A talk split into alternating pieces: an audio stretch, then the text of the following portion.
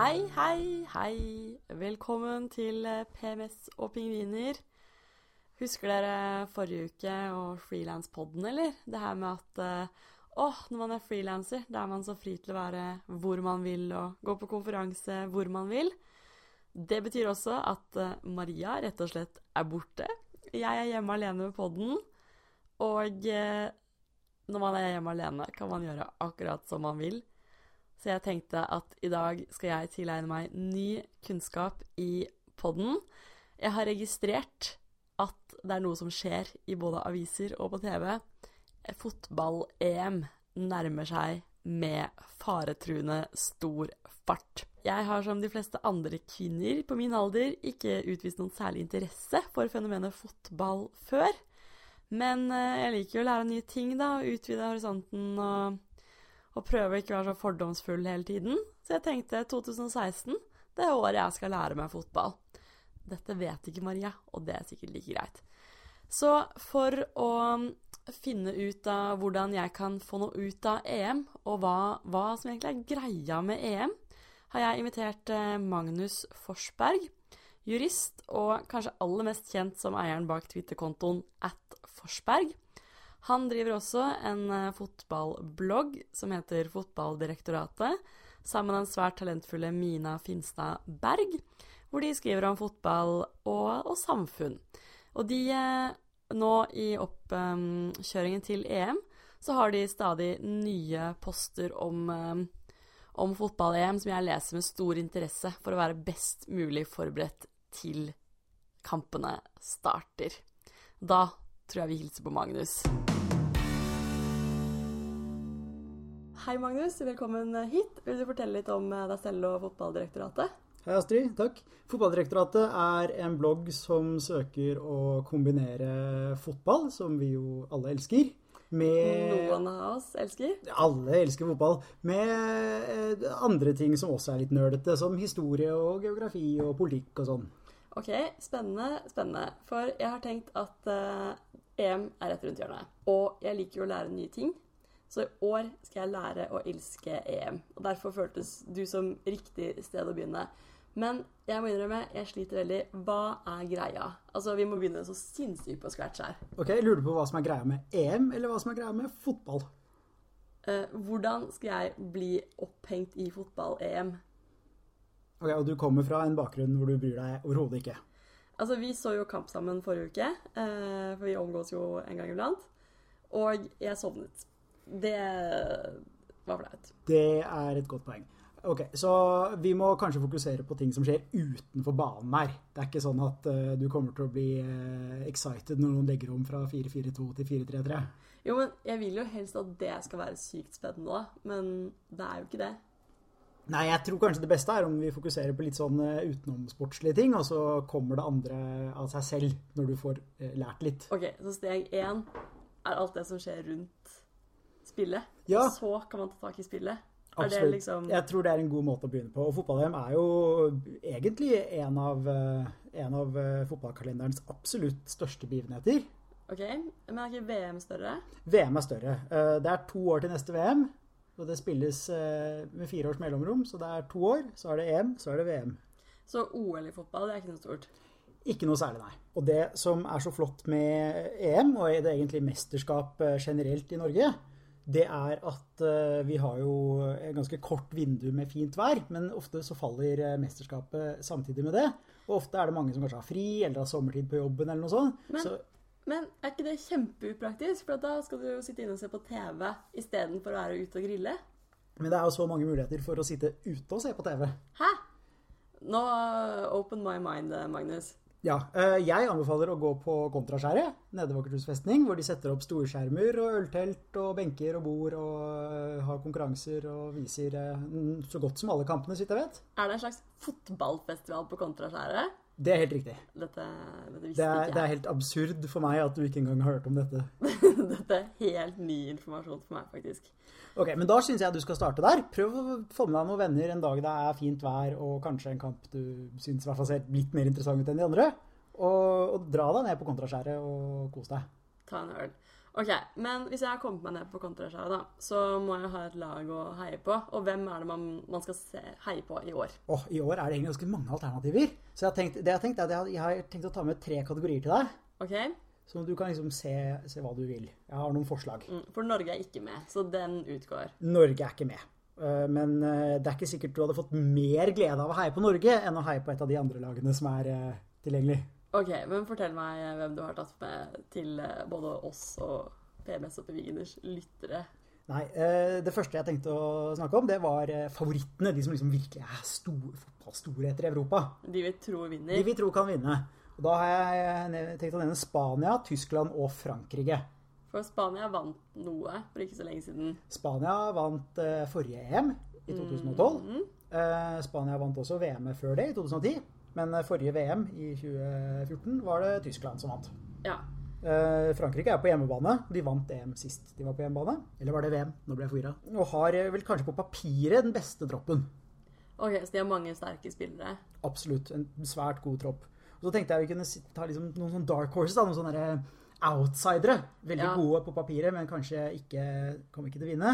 For jeg syns det er litt kjedelig å heie på det alle andre heier på. Å være mainstream. Det ligger jo ikke for meg. Ja. Eh, Så det er jo Belgia, da, som er sånn typisk sånn Har alltid en fantastisk dropp på papiret og presterer egentlig aldri mer enn sånn kvartfinale. Nei? Og så er det England, da. Den evige Alle i Norge elsker jo engelsk fotball. Ja, Er ikke England liksom best i verden på fotball? Eh, De har jo ikke vunnet VM siden 1966, men, men de liker å tenke på det VM-et, da. Ja, ok.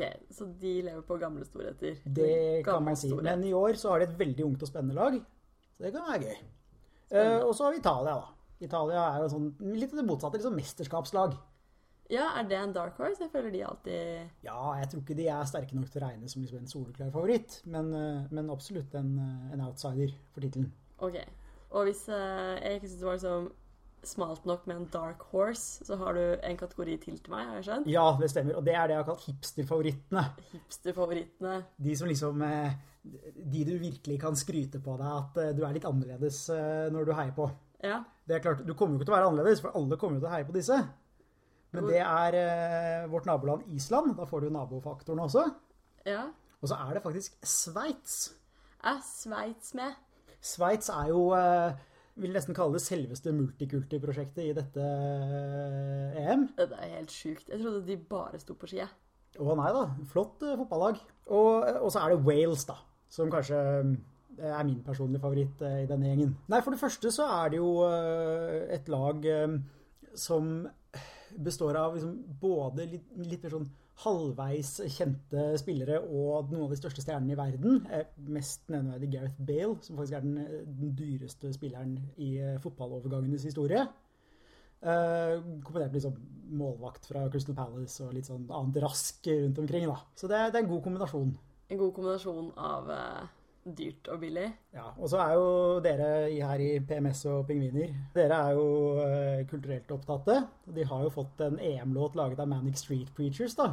Ja, det, det hjelper veldig. Det var vel tungen på vektskålen det jeg skulle velge, velge lag. Det og sjarmerende dialekt. Ja, og det er jo Jeg jobber i kullgruve, men jeg er ikke tøff allikevel. Dialekten i Wales, den, eh, den er det sikkert delte meninger om. Men eh, Nei, Jeg har jo så spot. Det, det er bare å innrømme.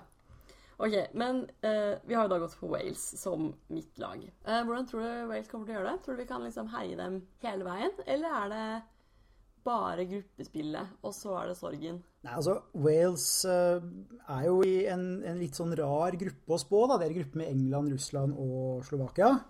Så de kan gå videre, men du skal ikke se bort fra at de ryker ut i gruppespillet heller. Jeg tipper i hvert fall ikke noe mer enn en kvartfinale her. Ok, men hva, hva gjør jeg etter kvartfinalen da? Er det bare å drite i resten av EM da? Når laget mitt er borte? Jeg tenker som så at innen den tid så har du jo forhåpentligvis blitt så interessert og sett såpass mye fotball. Det er mye kamper i gruppespillet. Eller blitt såpass alkoholisert og sitter på kontraskjæret etter jobb og, og pilse? Eller det, selvfølgelig, at du bare ikke klarer å slutte å gå og drikke. Men, eh, men forhåpentligvis så har du blitt såpass interessert i fotball at du tenker at eh, nå skal jeg gå skal jeg gå og titte litt på fotballen bare for å se hva som skjer. Og, eller at du syns eh, det har kommet fram noen eh, morsomme narrativer i VM, nei, EM eller noe sånt. da. Eh, det jeg bare liksom vil legge til, det er hver gang Magnus stopper og blir litt sånn eh, eh, så er det fordi eh, vi har en fotballkamp bak oss hvor Norge leder 3-1 over Island. Ja, det er helt utrolig. Men dette er ikke en del av EM. Dette er ikke en del av EM, dette er en vennskapskamp som en slags oppvarming. Og det jeg tror har skjedd, er at Island har tenkt sånn Hvem er det enkleste vi kan spille mot for å virkelig pumpe opp selvtilliten før EM begynner? Og så valgte de oss. Og så nå, akkurat nå leder vi 3-1. Ja, så da kanskje de ikke pumper opp selvtilliten så mye likevel, da. Nei, så det er bra du valgte Wales, da, ikke Island. Ja, Det kan jo også hende at de tenkte fuck denne kampen, la oss sende ut ballguttene våre og ikke laget. Men uh, fuck denne kampen er jo kanskje også en grunn til at du kan heie videre selv når Wales blir slått ut.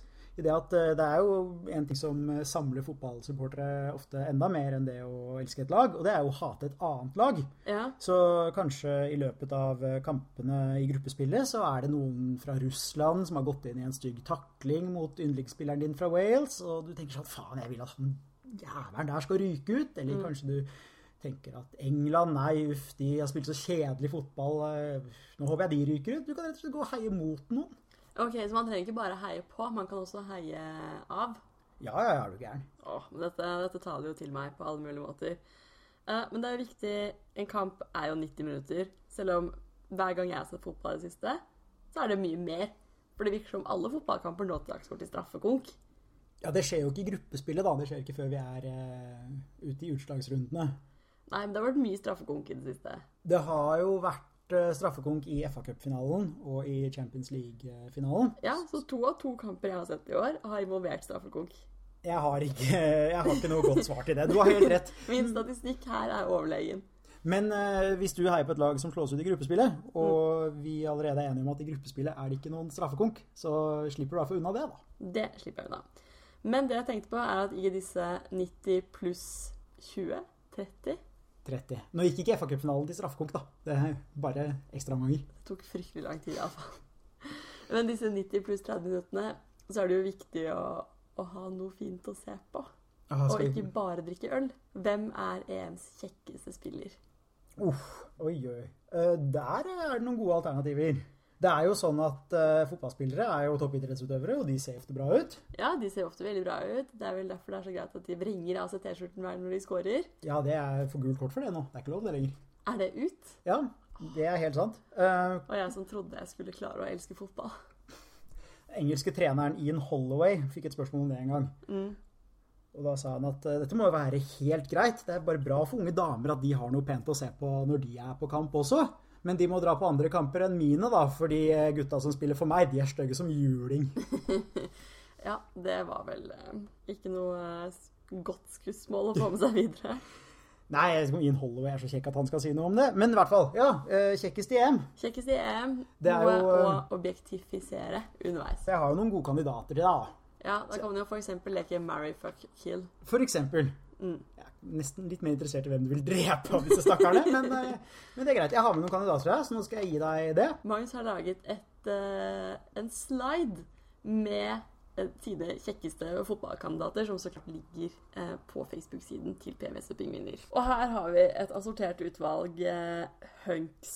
Skal vi starte øverst til venstre? Det gjør vi. Mm, her har vi Olivier Giroud fra Frankrike. Veldig sterk uttale der.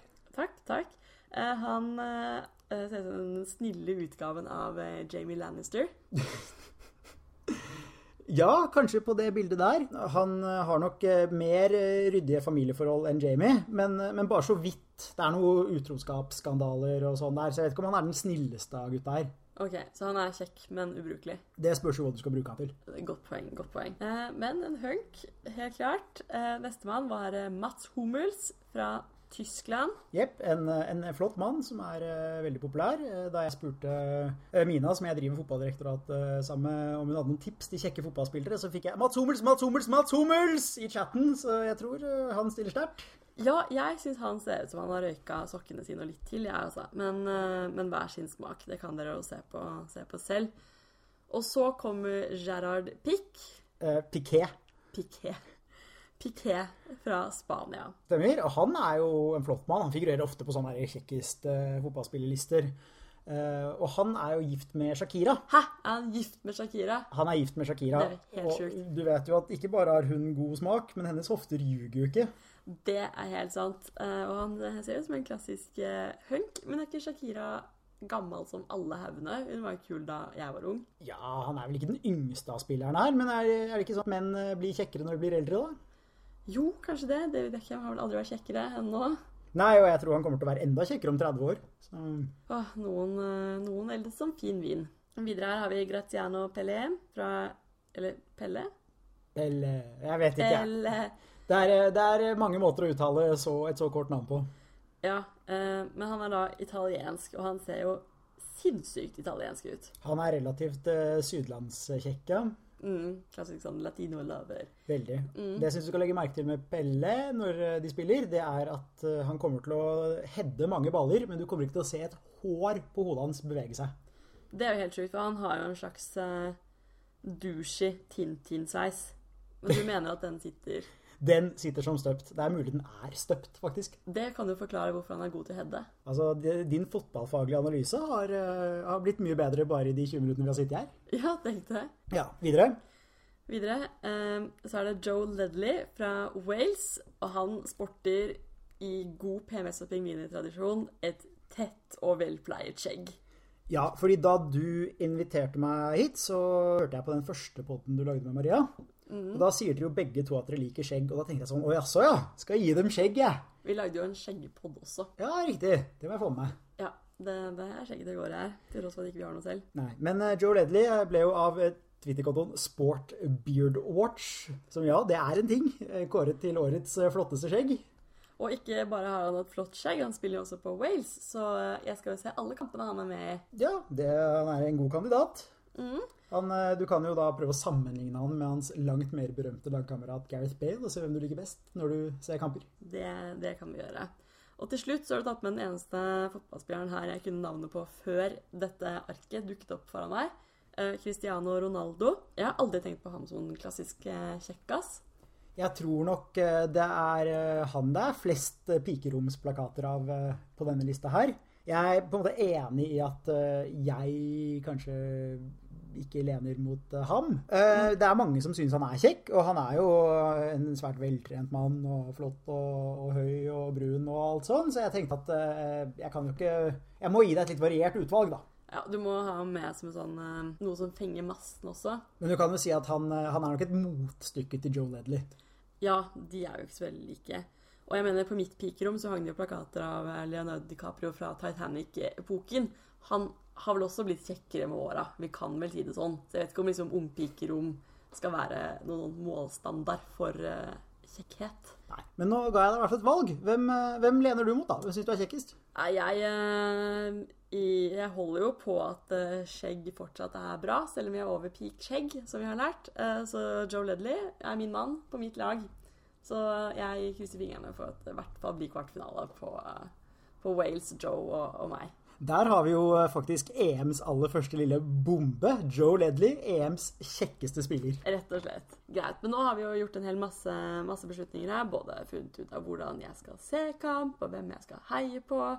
Og at det er Joe Ledley jeg skal henge opp poster av på rommet mitt. Så, men hva prater man om um, på kamp? Ja, du prater jo om akkurat hva du vil, da. Jeg tror at Hvis eh, målet her er at du skal begynne å like EM, så kan jeg i hvert fall ikke legge føringer på hva du skal snakke om når du er på kampen. Eh, Men eh, hvis du er sammen med andre som kanskje er mer fotballinteresserte enn deg, så er det jo greit å kunne prate litt om fotball, da. Ja, det er jo sikkert bra å snakke om fotball. Men da skulle jeg gjerne hatt noe sånn bra trivia å kunne briljere med.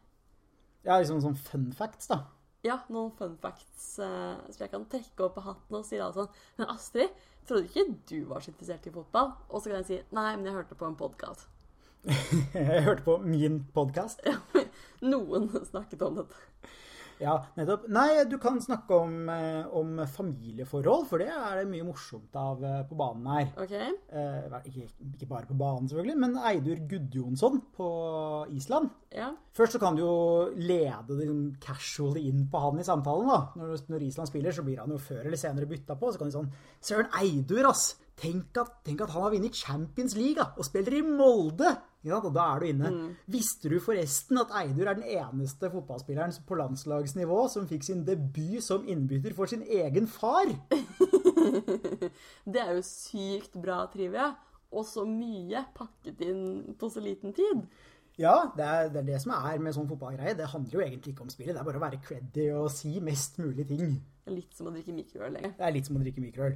Og da, hvis, hvis den personen du snakker med faktisk syns det er interessant, ikke er sånn glasert over øyeeplene innen den tid, så kan du jo nevne at tredjekeeperen til Romania, Silviu Lung, faktisk er sønnen av Romania-keeper Silviu Lung, som eh, tok dem vel helt til åttendedelsfinale i VM i 1990.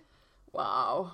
Dette er eh, imponerende. Tenk at fotball også er like arvelig som eh, lege. Ellers kan du snakke om hvordan Russland i år har det Jeg tror det er den eneste noen gang entroppen med to eneggede tvillinger To eneggede tvillinger. på samme lag. Oi, oi, oi, så du sender Du tror du sender ballen til han ene, og så er det en annen på andre siden av deg. Det må jo være en mindfuck.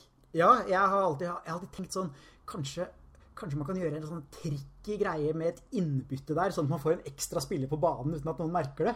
Ja, ja det, er, er fascinerende. Det er potensialet, men jeg er ikke helt der ennå. Nei, ellers så er det jo litt sånn politisk subtekst i noen kamper og sånn, da. Jeg syns det er interessant med Albania, eksempel. Er de med i EM i år? Albania er med i EM i år, og de har spilt åttendelsfinale i EM én gang før. Det var i 1964. Da var EM litt annerledes. Så hvis man gikk gjennom kvalik, så kom man direkte til åttendelsfinale. Okay. Og i kvalikkampen så hadde Albania blitt trukket mot Hellas, eh, men Hellas eh, hadde vel offisielt vært i krig med Albania i 50 år eller noe sånt, så de sa bare nei, dette gidder vi ikke, og bare møtte ikke opp. Så de vant på walkover? Albania vant rett og slett på walkover. Og det eh, som er morsomt med det, er at det skjedde i 1964. Men nå i kvaliken nå i fjor, så ble jo Albania tildelt en uh, seier etter flere runder i liksom fotballens rettssystem. Etter at en uh, EM-kvalikkamp uh, blussa litt opp da, mot Serbia. Ok. Det var noen som fløy en drone et albansk flagg inn, og så var det noen som rev ned det flagget og ble sure, og så blei det noen slåsskamper, og noen kasta noe fyrverkeri på banen, og fansen stormet banen og angrep de albanske spillerne. Det, det var litt eh, Det var baluba. Det var action. Men det her er helt fantastisk eh, trivia. Nå tror jeg dette her kommer til å gå kjempebra. Eh, nå får vi bare krysse fingrene for at Wales kommer langt. Og vi får se Joe løfte pokalen til slutt. Å, det hadde vært vakkert, hadde ikke det? Å, det var så vakkert. Jeg har jo også gitt deg ansvaret for vår eh, faste post topp fem-lista. Og eh, jeg har gitt deg helt frie tøyler, så dette her blir like spennende for meg som for eh, alle andre. Hva, hva er det der topp fem nå? Hva har du fe- femmet opp? Nei, Siden du ga meg dette oppdraget og hadde som utgangspunkt at du ikke visste noe om fotball, men hadde lyst til å liksom delta i EM Ikke som spiller, da, kanskje, men, eh, men i praten. Så jeg satte opp eh, topp fem eh, spillere jeg føler kan gi deg litt cred å snakke om. Ok, så jeg har valgt meg et hipsterlag allerede, men her er det enda mer cred å hente. da. Her er det cred å hente hvis du spiller kortene dine riktig. Vi har allerede vært inne på Albania. eh, og nummer fem her, det er Elsaid Hysaj fra Albania. Ok, jeg må øve. Elsaid Hysaj. Ja, jeg er ikke helt sikker på om albansken min er på den heller, men Elsaid er en ganske ung høyrebekk som til daglig spiller i Napoli i Italia. Og det som er med han, er at uh, veldig mange kommer til å snakke om Hector Bellerin fra Spania, som liksom den unge, lovende høyrebekken. Og da skal du si pff, alle veit at det er Elsaid Hysaj fra Albania som liksom er eh, høyrebekk-talentet. Up and coming i EM. Elsaid Hysaj, det er altså høyrebekk-talentet. Ja. Eh, nummer eh, fire på lista, det er Taulant Shaka fra Albania. Det er mye Albania på lista di. Ja, og vi har jo vært inne på eh, familieforhold allerede. Eh, Taulant Shaka er eh, bror av Granit Sjaka, som spiller på et annet landslag og er med i, uh, i dette EM-et. Granit er nemlig på det sveitsiske landslaget, mens Taulant er på det albanske. Jøss. Så uh, broren hans har fått en overgang nå til en stor klubb i England, som heter Arsenal. Og veldig mange kommer nok til å snakke om ham. Ok, Så du skal vise creden din ved å snakke om broren hans. ok. Thailand Sjaka. Thailand Shaka. Thailand Shaka. Nummer tre er en ung franskmann som spiller i Tyskland til vanlig. Han heter Kingsley Coman. Kingsley Coman. Ja. Uh, og det som er, er at han er veldig ung og talentfull, men, men Frankrike har, som vi har vært inne på, en, en veldig, veldig god stall i år. Så det er mulig han får begrenset med spilletid. Og hvis han får begrenset med spilletid, så er det din jobb å passe på å påpeke at hadde han bare fått spilt litt mer, så hadde ting ordna seg for Frankrike. Da hadde Frankrike vært i finalen. Da hadde Frankrike vært i finalen. Nummer to er en målvakt fra Ungarn. Eh, Han eh, må du nesten ha hørt om, for han var med på å slå ut eh, Norge. Jaha, ja. Han heter Gabor Kirali. Gabor Kirali. Og han er kjent for å spille ikke i eh, en sånn vanlig draktshorts som du ser eh, fotballspillere ha, men han spiller eh, kampene sine i sånn slakka grå joggebukser. Og sånne jeg går hjemme når jeg er bakis, liksom? Sånne halve Norge går hjemme i når jeg er bakis, ja. Det er uniformen hans. Ok, den gikk han for. Har han andre talenter? Han er en sånn passe god keeper, han var det i hvert fall en gang. Nå er han vel sånn eh, hvite menn som pusher 40, så jeg vet ikke hvordan det kommer til å gå, men, eh, men folk veit hvem han er, og det må du gjøre òg. Ja. Og den siste, nummer én på eh, ukas topp fem-liste, hvem er det? Jeg har lagt inn en liten twist her. Er det en twist? Her er det en twist. Husker du da jeg om Kingsley Coman, så sa jeg at du må si at nei, han må få spille mer. Ja. Nummer én, talepunktspilleren din, er nemlig Englands Jack Wilshere. Jack Wilshere. Ja. Og det er fordi du mener at han hadde ingenting i den troppen å gjøre. Han spilte ikke mer enn noe sånn som 130 minutter i hele denne sesongen. Allikevel fikk han en plass fordi Roy Hodgson er så glad i han. Det du tenker, det er at Danny Drinkwater skulle hatt den plassen. Det er en skandale at Wilshere er med i den troppen. Åh, så her har jeg sett et talepunkt med ikke bare én, men to spillere. Helt riktig. Men husk at disse vanskelige navnene her Hvis Det er ingen som har fasit. Hvis noen mener at Elsaid Hysaj uttales annerledes enn det du gjør, bare stå på ditt. Si ah, du har tydeligvis ikke peiling på fotball. Og så gå videre. da jeg var på backpack Spania, så alle Hysaj hele tiden. Så jeg er helt sikker på at det er sånn det uttales. Der har du den. Se, men uh, tror, du, tror du jeg kan få til dette? her? Jeg tror absolutt du kan få til dette her. Uh, Det er klart, vi- som du sa tidligere, så har vi jo en fotballkamp i bakgrunnen her. Akkurat nå har Island redusert til eh, 3-2 mot Norge. Ja. Eh, Men det, det foraktfulle blikket du gir TV-en hver gang du snur deg over skulderen, jeg vet ikke om det er et godt tegn, men kanskje med litt sol og litt øl og sånn, så gir du rett inn i det. Ok, men skal vi egentlig takke for nå, da? Si at neste PMS og pingviner kommer om to uker. Har et tema som kanskje appellerer mer til målgruppa enn dette. Og se resten av Norge-Island-kampen. Det syns jeg vi skal gjøre. Takk for at du hadde meg på besøk. Jo, eh, takk for at du kom. Da skal jeg gjøre mitt beste for å ikke sovne, men hytte med neven på de riktige stedene til kampen. Det høres bra ut. Yes. Vi ses om to uker. Hei og hå!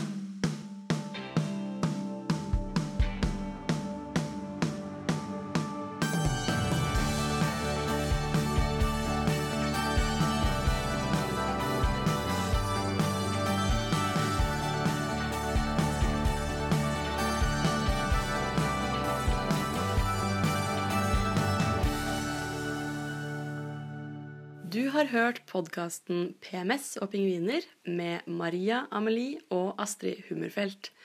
Podden er klippet av Theodora Flykt, og den fine musikken er laget av Tarjei Sakarias Ekelund.